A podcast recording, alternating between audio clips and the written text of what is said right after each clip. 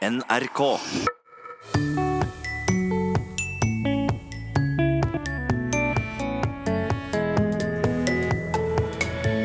Norsk språk taper terreng i akademia. Språkrådet vil gjøre det enklere for universiteter og høgskoler å ta gode språkvalg. Selv om disse institusjonene har språkpolitiske strategier, så er det dokumenter som veldig ofte blir liggende i ei skrivebordsskuff. Men vil en språklig veiviser hjelpe? I VM-studio venter Kristine Meklenborg Salvesen, og offer er stafett, stafett. Hvis eh, du skal levere et eh, budskap over en lang distanse, så er det begrensa hvor lenge en hest kan gå i full galopp. Eh, og da er det nyttig å bytte på. Gjermund, hvor blir du? Vi venta på det sånn når stafetten gikk. Og da kom du tidsnok. Det håper vi du gjør nå, Gjermund. Og vi skal følge Gjermund Eggen trygt i mål. Vel møtt til Språkteigen. Som et trent øre vil høre, er ikke jeg Torunn Myhre. Mens hun er ute og nyter vinteren, vokter jeg, som heter Helle Therese Kongsrud, Språkteigen studio. Åssen står det egentlig til med norsk? Om en sier kjøkken eller kjøkken, er relativt eh, lite problem for norsk språk i framtida. Derimot er det et stort problem dersom det er sånn at norsk bare blir brukt nettopp på kjøkkenet. Dette sa Unn Røyneland før jul. Hun har leda utvalget som har sett på språkutviklinga i Norge de siste ti åra. Et av områdene som er omtalt i språkmeldinga, er bruken av norsk og engelsk i akademia. Og det blir stadig mer engelsk.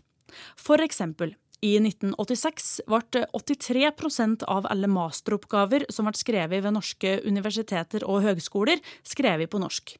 I 2017 var det samme tallet nede i 56% Alle er enige om at engelsk både skal og må eksistere i utdanningssektoren, men både Språkutvalget og Språkrådet mener det er viktig å finne en språklig balansegang mellom norsk og engelsk. Derfor har Språkrådet denne vinteren vært innom flere norske byer for å vise fram sin nye språklige veiviser.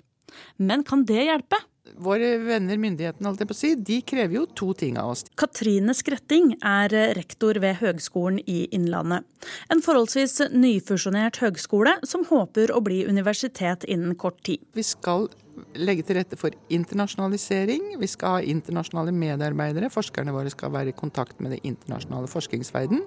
Og vi skal sende studenter til utlandet, og vi skal ta imot utenlandske gjestestudenter. Og samtidig så har vi også et pålegg om å bidra til å utvikle, styrke norsk som fagspråk. Hun opplever daglig å stå midt i en språklig debatt, der hensynet til det som så fint kalles internasjonalisering, stadig stilles opp mot kravet til et godt norsk fagspråk i norske utdanningsinstitusjoner. Når en er en del av en norsk utdanningsinstitusjon, så er det veldig mange språklige hensyn å ta. Blant annet skal norske studenter forstå undervisninga de får, og det pensumet de skal lese. Men det skal òg utenlandske studenter. Norske forelesere skal kunne bruke sitt eget språk, men det er òg utenlandske ansatte som skal stå foran store studentmasser. Språkdirektør Åse Vetås håper at den nye veilederen deres skal kunne hjelpe institusjoner med å finne en god språklig balansegang i det daglige. Vi ser at eh, selv om disse institusjonene har språkpolitiske strategier som er tilpassa de, så er det dokumenter som veldig ofte blir liggende i ei skrivebordsskuff og som da ikke aktiveres eh, når foreleseren eller administratoren eller kollokvielederen skal gjøre det konkrete språkvalget i den konkrete brukssituasjonen. Og det er der vi ønsker med denne veilederen å kunne komme inn og, se, og si se her. Dette språkvalget anbefaler vi for å nå de målene dere har satt dere opp. Kravene er ganske tydelige. Dette er et sitat fra Kunnskapsdepartementets eh, tildelingsbrev, som ble sendt ut til alle universiteter og høgskoler i januar i år. Universitetene og høyskolene har et lovpålagt ansvar for norsk som fagspråk, og institusjonene skal utarbeide egne språkstrategier. Internasjonaliseringen av forskningen og den økende bruken av engelsk gjør det nødvendig å ha særlig oppmerksomhet på dette arbeidet. Departementet ber om at institusjonene følger utviklingen for norsk som fagspråk, og vurderer behovet for å sette inn tiltak. Men slike krav, som står godt planta i dokumenter, kan være litt vanskelig å oppnå når noen drar deg i den andre armen og viser til andre krav som er like viktige. Og hvorfor er det så viktig med dette norske fagspråket uansett? Det er viktig av veldig mange grunner. Det er viktig for å gi studentene den aller beste kvaliteten på utdanningen. Det er viktig for å sikre det norske språket på alle samfunnsområder og i alle deler av arbeidslivet, for det er et politisk mål. Det er òg ikke minst viktig fordi at vi skal ha et godt norsk oppdatert fagspråk og kunne ta alle de store samfunnsdebattene på. Men selv om du nå selvfølgelig prater norsk sin sak, da, så er det ikke sånn at du på en måte prøver å forbanne all engelsk i akademia? Absolutt ikke. Det er jo sånn at en av oppgavene i akademia det er å forske og bringe videre den forskningen. Da er det selvsagt sånn at en ofte må bruke engelsk for å kunne kommunisere med fagfeller i andre deler av verden. Så må vi se på hva slags språk som skal brukes i undervisning, og hva slags språk som skal brukes i den delen av samfunnsoppdraget som gjelder formidling. Og det er ikke nødvendigvis eh, engelsk. Det er ikke så mange som er uenig med Åse Vetås og resten av Språkrådet i dette. Men hverdagen gir noen utfordringer for institusjoner. F.eks. rekruttering, sier rektor ved Oslo OsloMet, Kurt Rice. Vi opplever at vi er nødt til å se ut i den store verden for å finne de beste, sånn at våre studenter får den beste utdanninga. Og da kommer umiddelbart disse språklige utfordringene på plass. Ikke sant? Skal de undervise på engelsk de første to-tre åra mens de holder på med å lære seg norsk, f.eks. Vi ønsker både å kunne rekruttere internasjonalt, samtidig som vi ønsker å gi våre norske studenter en bachelorutdanning hovedsakelig på norsk. Og det er noe dere jobber med akkurat nå? Vi jobber aktivt med det. Vi driver med norsk eh, opplæring for utenlandske kollegaer, og til og med stiller noen krav der. Og så, eh, og så driver vi med å støtte også eh, engelsk, utvikling av engelsk kompetanse hos ansatte og studenter. Du var ganske klar under debatten her eh, og under ditt innlegg at penger eh, spiller en rolle. Mm, det gjør det, og vi blir, vi blir sånn stimulert på smått på alt mulig rart. ikke sant? Hvis du skriver en vitenskapelig artikkel, så er det bra, men hvis du skriver det med en kollega fra utlandet, så er det enda bedre. Hvis du rekrutterer oppegående studenter, så er det bra, men hvis du rekrutterer oppegående studenter fra utlandet, så er det enda bedre. Og selv om, selv om pengebeløpene er kanskje ikke alt så for store, så er det likevel sånn at det, at det er en tydelig bestilling, for å si det på den måten, fra regjeringa til institusjonen om hva vi skal prioritere. Men hvis jeg spør deg eh, hva løsningen på det her er for noe, så vil jeg tro at svaret ikke er å kutte ut internasjonale studenter eller kutte ut å skrive forskningsartikler sammen med utenlandske kollegaer? Det har du helt rett i. Å rekruttere internasjonale studenter og, og, og være en del av et internasjonalt forskningsmiljø er kjempebra. Det er veldig viktig, og det hever kvaliteten i masse av det som vi, som vi gjør. Så det er ikke sånn at, at, at det er en løsning som jeg er ute etter, men, men jeg er ute etter en mer nyansert oppfatning av hva det betyr å være internasjonalt. Det er noe mer enn å bare snakke engelsk. Mm. Akkurat det Kurt Rice sa her, er viktig å merke seg. For internasjonalisering er jo mye mer enn å prate slik at alle unger i Storbritannia forstår oss. Rice har sjøl et langt internasjonalt liv bak seg, og mener at engelsk i verste fall kan ødelegge for den internasjonale opplevelsen. Altså, jeg føler at en av de tingene som forsvinner i diskusjonen, er, den opplevelsen man har som utlending. At man må finne ut av en ny kultur, et nytt sted og et nytt språk. Og det er en opplevelse som jeg har utsatt meg selv for et par ganger.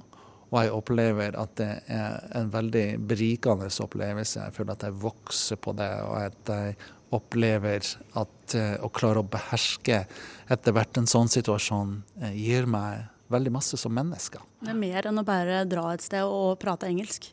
Det er absolutt mer enn å bare dra et sted og ligge på stranda og snakke engelsk når man bestiller margarita. Det er det vel. Det med Margarita er kanskje et lite sidesprang, men det bringer opp noen spennende spørsmål om to- eller flerspråklighet. Dette er noe Rice vil jobbe videre med på Oslo OsloMet i tida som kommer. Mm, jeg har lyst til å få i gang en diskusjon hos Oslo OsloMet om det tospråklige klasserommet. Er det virkelig sånn at når vi har det øyeblikket vi har en utenlandsk student på plass, at vi må bytte om til engelsk? Eller kan vi også hjelpe den studenten til å lære seg litt norsk. Gi noen oppsummeringer på engelsk, men også gi undervisning på norsk. Jeg syns det hadde vært spennende å, å tenke nytt der, sånn at uh, det, det, det, blir ikke enten norsk eller engelsk, men det kan også være norsk på en måte som ivaretar også de som har svakere norsk kompetanse. Både Katrine Skretting og Kurt Rice ser positivt på den nye veiviseren fra Språkrådet. Ved Høgskolen i Innlandet har de til og med fått prøvd den, for de hadde en situasjon som måtte håndteres. Så vi har jo engelske medarbeidere. Eh, og de har lært seg norsk sånn at de kan lese norsk. Og de kan følge diskusjoner på, på norsk. Men de føler seg ikke komfortable med å snakke norsk. Um, og det, har, det, skjønner jeg godt. Altså, du lærer et språk som voksen. Du, det er vanskelig å få det der sikre, sikkerhetsnivået høyt nok opp. Så de vil gjerne at møter foregår på engelsk. Eh, det vil ikke de norske så godt, for de har den akkurat motsatt. De er mer usikre på engelsk og føler at det er vanskeligere å uttrykke seg presist på engelsk. Så dermed er kompromisset at eh, nettopp fordi utlendingene skjønner, eh, skjønner norsk, men så får de svare på engelsk. Altså diskusjonen går på norsk f.eks., og så kommer det et par engelske innlegg ved utlendingene, og så fortsetter på norsk. Og det er et kompromiss som funker, og det er et kompromiss Språkrådet anbefaler. Med det har vi kanskje kommet et lite skritt videre i kampen mot at norsk blir et språk som kun prates på kjøkkenet. Men språkdirektøren inviterer samtidig alle aktører i høgskole- og universitetssektoren med seg på en dugnad for et godt og sterkt norsk fagspråk alle institusjonene har en jobb å gjøre, og alle institusjonene bør eh, eh, lufte fram formidling eh, på norsk i form av fagbøker og lærebøker på norsk som en viktig oppgave. Og de bør òg kunne finne noen insentivmidler for å premiere den aktiviteten. For det vet vi at det, det er der ikke noe interne premiering for. Det gjør at det derfor er en oppgave som ofte kommer langt ned på arbeidslista til forskerne. Når alt kommer til alt, så er det Kunnskapsdepartementet som kan gripe inn i framtida til norsk språk i akademia. Iselin Nybø, du er minister for forskning og høyere utdanning. Og hva mener du om de bekymringene du hører her?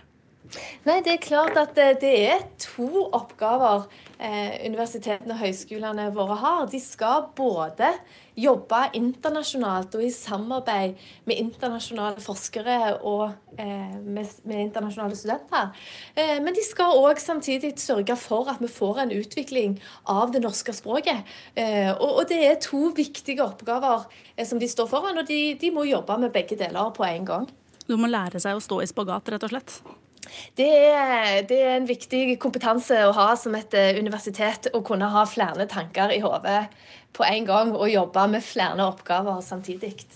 Men så hører vi altså at det er mer lønnsomt å skrive på engelsk. Hvordan skal institusjoner da kunne jobbe aktivt med norsk språk? For det første så er det viktig å si at eh, universitetene og høyskolene våre får store statlige overføringer. Eh, og det som, eh, det som, handler om publisering og belønningen de får for det, er en veldig liten andel av de store overføringene som de får totalt sett.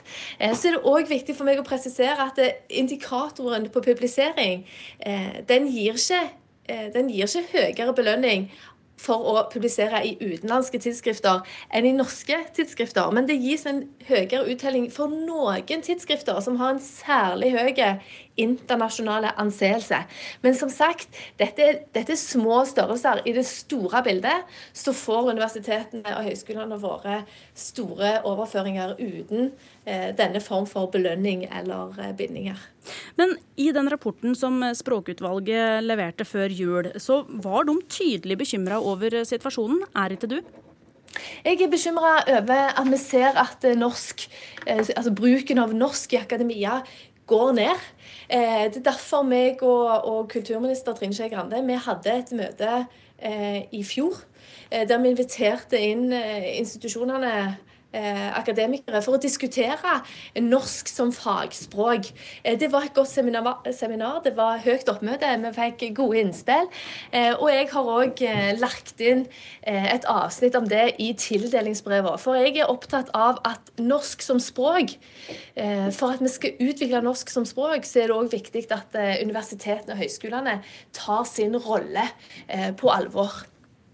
På masternivå er det bare litt over 50% av de oppgavene som skrives, som skrives på norsk. Den utviklinga har gått ganske langt i feil retning på kort tid. Hva kan vi gjøre? Ja, Det er jo nettopp derfor vi eh, har lagt inn eh, i tildelingsbrevet en, eh, et avsnitt om dette. At vi ønsker at de skal følge med på det. At vi ønsker at de skal vurdere om det er behov for å sette inn tiltak. Vi ser det på, på doktorgradene, vi ser det på mastergradene. Eh, og det er akkurat dette de må ha en bevisst holdning til. For det er klart at internasjonalisering, internasjonalt samarbeid, er et gode. Det er positivt, og det er viktig. Det er helt nødvendig hvis vi skal lykkes med de store oppgavene samfunnet vårt står overfor, at vi jobber sammen med smarte folk i resten av verden. Men de har òg et ansvar for å sørge for at det norske språket utvikles. og Derfor så må de ha et bevisst forhold til det. Eh, det er derfor vi har lagt det inn i tildelingsbrevet, for at eh, universitetene og høyskolene skal kunne ta de grepene som er nødvendige for òg å sørge for at eh, norsk som fagspråk blir ivaretatt. Så svaret er egentlig ja takk, begge deler? Det er riktig. Det er svaret. Det er VM-feber i hele landet, og her i Språkteigen. Faktisk så mye at vi har laga vårt eget VM-studio, så jeg setter rett og slett over dit. Der er ja, der er jeg og Kristine Meklenborg Salvesen.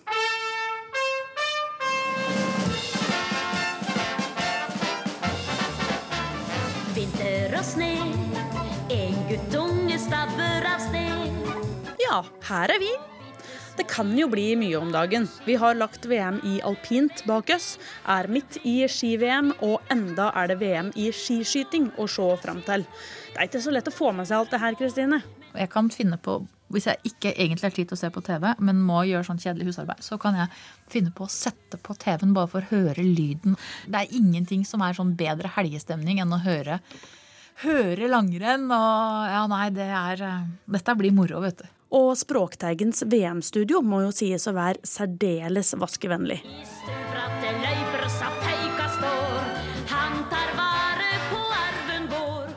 Og Gjermund Eggen han har til nå vært ute i 2.59 og vel det. Og tida til tida inn, altså 3.03,15. Gjermund må vise seg der oppe i løpet av skal vi si, halvannet minutt. Konkurranse. Der er vi inne i fransk. Eh, vi er også tungt inne i latin. Altså con betyr jo med på latin. Så når vi sier konkurranse, så er det con, og så er det cor, og så er det anse, på en måte. Og den conen som kommer først, det er, betyr med på latin. Mens corre betyr å løpe. Uh, og den endelsen ense er jo den som avslører at det her er kommet inn fra, fra gammelfransk. Da. Så konkurranse det er noe hvor man løper med andre. Og her skal vi da få se Gjermund helt eh, venstre, hvis vi ser akkurat eh, dette bildet. Langrenn. Lang er, trenger jo ikke noe forklaring, det er noe som har lengde. Eh, og renne eh, to kommer, har to forskjellige betydninger. Da. Det ene renne er når vann renner, og det andre er når du sklir og aker. Altså Mannen min er fra Sørlandet, så han vil aldri si at man aker. Han vil alltid si at man renner. Så de rant ned bakken, vil han si. Og det, det, på min østnorsk så er ikke det en måte jeg bruker det verbet på, men, men det er en av de to betydningene. Og disse to uh, betydningene har jo et felles opphav igjen. Og det er i slekt på nederlandsk og tysk, så heter det jo rennen. Og på engelsk så heter det run. Så dette her er rett og slett at du løper eller sklir over en lengre distanse. Det er langrenn. Og da ser vi sekundene de går ganske fort, men det får vi håpe at du Gjermund gjør også. Løype. Det er ikke så veldig hokus pokus. Det kommer fra å løpe. Så det er spor du løper i. Eh, og opprinnelig på norrønt het klaupa. Eh, og laupe er jo liksom den eh, etymologisk riktige forma i norsk. Men vi har fått løpe via dansk. Og også la løype. Gjermund, hvor blir du? Stafett. Historisk da, så er en stafett det var en som ble sendt som ilbud. Som ja, skulle være kjemperask av gårde. Det skal gå på maks hastighet. Og eh, ordet stafett, det kommer faktisk fra italiensk. Eh, og enda mer eh, presist fra longobardisk. Hvor eh, det kommer fra ordet som, et ord som betyr stigbøyle. Så det er altså en rytter med stigbøyler som da kan ri eh, mye fortere selvfølgelig enn dem som ikke har stigbøyler. Så det er, eh, det er opprinnelsen. Rett og slett et ritt som skulle gå i full fart med bud som hadde gode stigbøyler. Ja, Men, også, men altså veksling og flere på et lag, og åssen har dette her kommet inn i Ja, det, det skulle jeg ønske jeg kunne svare deg på. Det veit jeg ikke. Men det, har altså, det kan nok kanskje være Hvis jeg skal spekulere altså Hvis eh, du skal levere et eh, budskap over en lang distanse, så er det begrensa hvor lenge en hest kan gå i full galopp. Eh, og da er det nyttig å bytte på. Så budet kan sendes videre ikke sant, med nestemann for å komme frem til kongen for å fortelle at uh, nå har uh, nå har noen angrepet byen hans der langt der nede i sør, og han må sende tropper. Så, så det, Den mest effektive måten er selvfølgelig å sende beskjeden fra person til person. Så jeg vil anta at det er sånn det har, har oppstått. Ski. Her er det en lang historie. Det er en veldig lang historie. Det het, altså Ski er jo et gammelt ord. Det het skid i norrønt. Og det er jo Vi, vi snakker også eh, om vedaskier. Altså, jeg må slenge ei vedski på peisen når det begynner å bli kaldt. Og dette har jo samme opphavet. Og vi har skigard, for ikke å glemme. Den Skigard kan ikke vare evig, veit du. Eh, og alt det her viser jo til at du tar en trestokk og deler den i to. Eh, og den er altså, det, er den, det at du deler Eh, stokken som gjør at du får ei vedski, men det er også opprinnelsen til ei ski. Altså det er et trestykke som er blitt delt. Sånn at eh, jeg ser at Lindemann og Bjorvann de fører det her tilbake til germansk, et verd som skal hete skaidan. Og det har også gitt opphav til ordet som skje. Skjede også. Og, og, via tysk så har vi nok også fått inn avskjed. Alt dette her handler om at noe blir delt. Ikke sant? Noe blir skilt av. Eh, og, og det var jo det skia ble. Og bevare meg vel så spennende dette er. Norsk er jo et indoeuropeisk språk. sånn at Vi er jo i slekt sant, med svensk og dansk veldig nært. Og så har vi den germanske familien med tysk og nederlandsk afrikansk. Og så over der så har vi liksom den store indoeuropeiske familien som vi tilhører. Og hvis vi går langt nok tilbake i den historia, så har eh, ski det samme deler opphav med ordet skitten og ikke minst å skite. Så for å skite, da um, er det også noe som skilles ut. Altså Det er ikke et trestykke lenger som skilles i to, men det er noe som skilles ut fra kroppen. Der kommer, Der kommer han, ja! Når vi snakker om møkkaski, noe som er ganske vanlig når du får nullføre litt ut i mars Eller får uh, is i rubben. Eller får is i rubben, så burde vi egentlig sagt uh, skittski. For det hadde vært ordentlig dobbelt opp. I hvert fall hvis vi tenker i sånn ordentlig indoeuropeisk sammenheng. Men det er i hvert fall samme opphav. Supernerdete pleonasme en supernerdete pleonasme. Det er kanskje ikke noe som vil uh, fenge an, altså. Det, så ærlig skal jeg være. ja, ja, ja, ja, ja, for en spenning. Staver. Men uh, vi trenger jo gjerne staver òg, når vi skal gå på ski. Ja, Akkurat som vi trenger bokstaver når vi skriver. Det henger sammen. Det henger sammen. Mm. Uh, stav, stav i norrønt. og bokstav har akkurat felles opphav. og her setter, eh, setter Bjorvatn og Lindemann her sammen med et verb som betyr å være stiv, å være strak. Og det har vi også da en annen variant av. har vi i stabbe, som i hoggestabbe. Det er også noe som er stivt og står. Så dette her er gammelt og går tilbake til altså verbet staben å være stiv.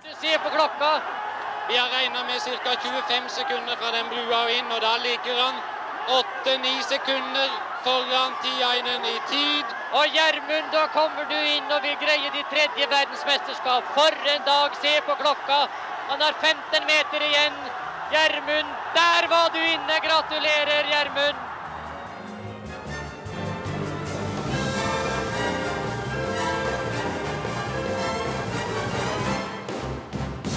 Stemning i Språkteigens VM-studio, og jammen ble det gull på Gjermund Eggen denne gangen òg. Takk til vår ekspertkommentator Kristine Meklenborg Salvesen, som er førsteamanuensis i fransk ved Universitetet i Oslo. Hun er tilbake neste uke.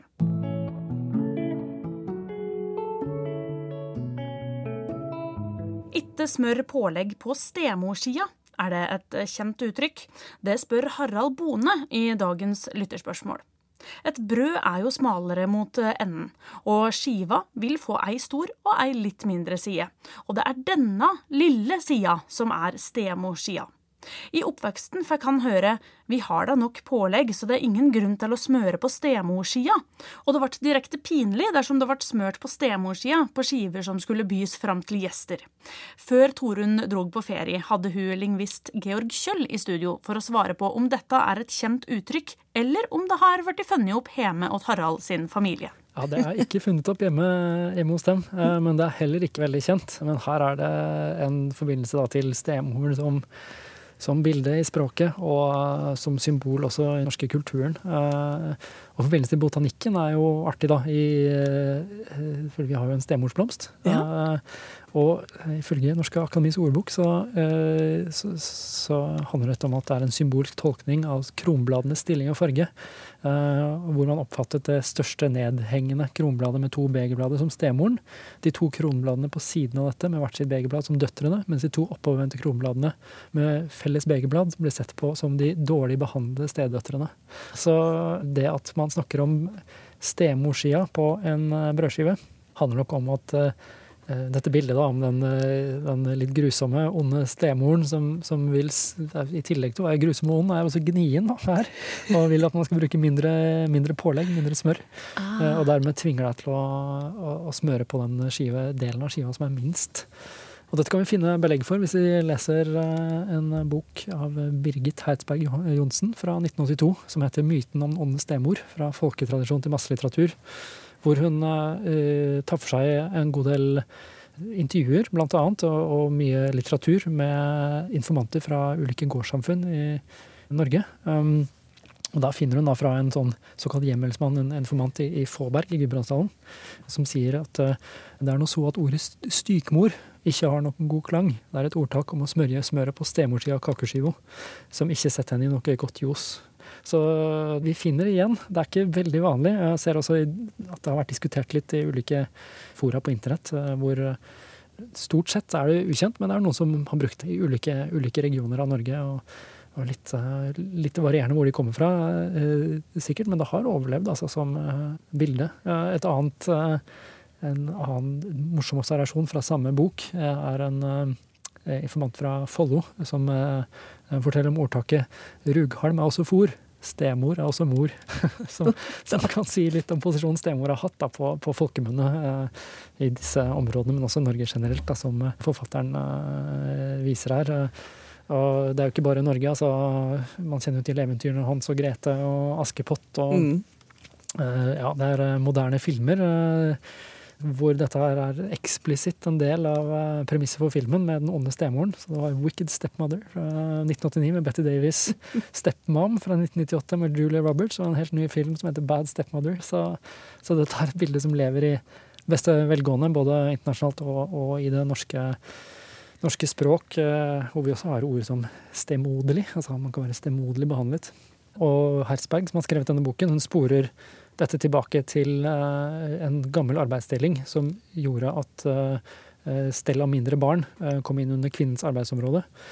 Og at barn fikk en ny mor, fikk dermed en langt større innvirkning på deres daglige liv enn hva tilfellet var hvor de fikk en ny far. Så altså det at det er stemor som nettopp har blitt denne, dette bildet, og ikke, vi ikke har et ord som heter stefaderlig behandlet, f.eks., mm. det, det, er ikke, det er ikke tilfeldig.